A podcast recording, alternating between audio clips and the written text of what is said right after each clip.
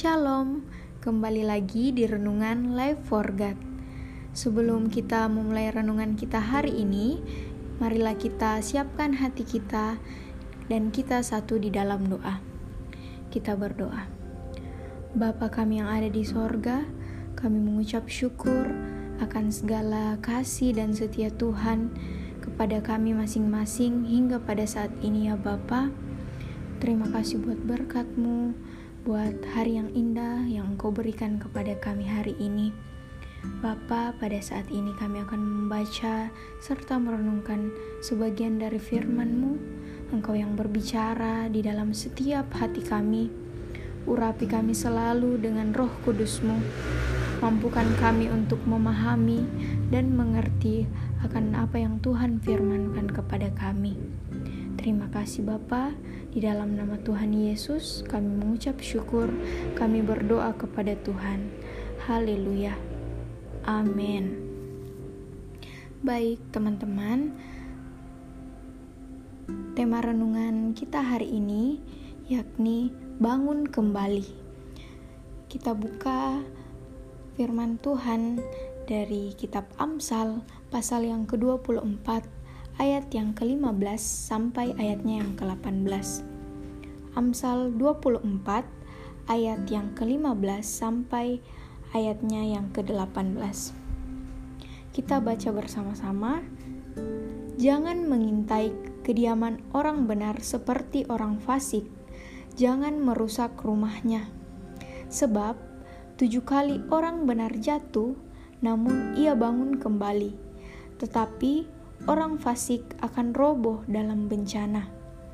Jangan bersuka cita kalau musuhmu jatuh. Jangan hatimu beria-ria kalau ia terperosok, supaya Tuhan tidak melihatnya dan menganggapnya jahat, lalu memalingkan murkanya daripada orang itu. Demikian firman Tuhan. Nah, teman-teman, di sini saya uh, punya sebuah ilustrasi. Nah, ada seorang atlet pelari peserta olimpiade dan pemegang rekor nasional untuk lomba maraton pada suatu negara. Nah, ia berhasil menyelesaikan perlombaan lari dengan rekor yang luar biasa yang menjadikannya sebagai atlet di negaranya yang pertama kali menyelesaikan perlombaan itu di bawah satu jam. Nah, walaupun atlet tersebut merayakan kemenangannya yang memecahkan rekor, ia juga tahu bahwa bagaimana rasanya kecewa apabila gagal menyelesaikan suatu perlombaan. Nah, karena atlet ter tersebut sudah pernah merasakan keberhasilan maupun kegagalan, maka ia mensyukuri bahwa selama ini ia ditopang oleh imannya kepada Tuhan Yesus. Nah, yang menjadi salah satu ayat Alkitab favorit dari atlet tersebut ialah pengingat yang menguatkannya dari kitab Amsal, di mana berbunyi bahwa sebab tujuh kali orang benar jatuh, namun ia bangun kembali. Seperti yang kita baca dari ayat yang pasal yang ke-24 ayat yang ke-16 tadi. Nah, Amsal ini mengingatkan kita bahwa orang benar, yaitu mereka yang percaya kepada Allah dan memiliki hubungan yang benar dengannya, masih akan mengalami kesulitan dan masalah-masalah yang ada di dunia. Akan tetapi, ketika kita terus mencari Allah di tengah kesulitan kita, dengan setia Allah akan memberikan kekuatan kepada kita untuk bisa bangkit kembali.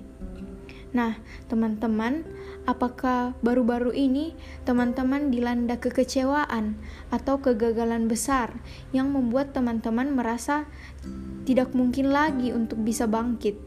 Nah, Kitab suci mendorong kita untuk tidak bersandar pada kekuatan kita sendiri, melainkan untuk terus mempercayai Allah dan janji-janjinya dan janji-janjinya yang ada yang Ia berikan kepada kita.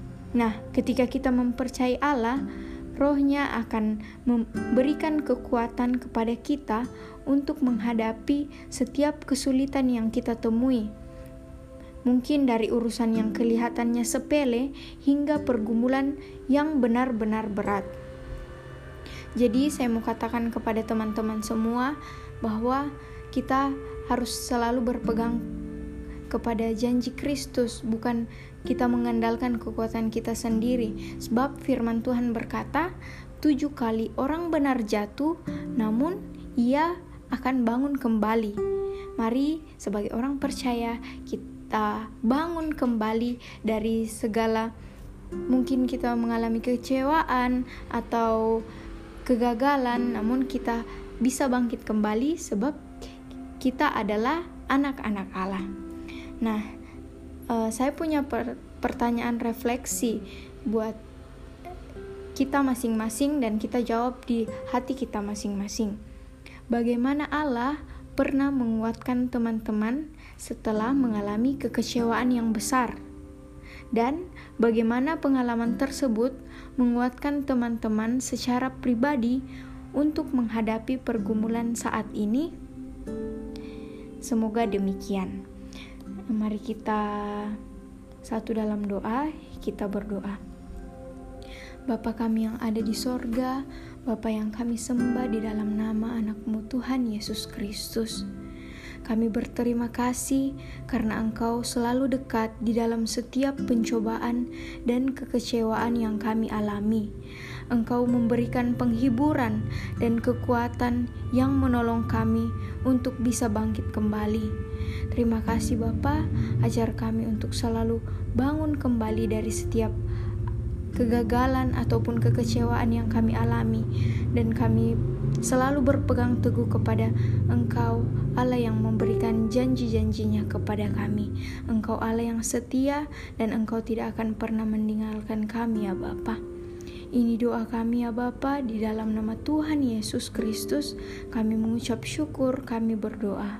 Haleluya. Amin. Baik, selamat beraktivitas. Tuhan Yesus memberkati.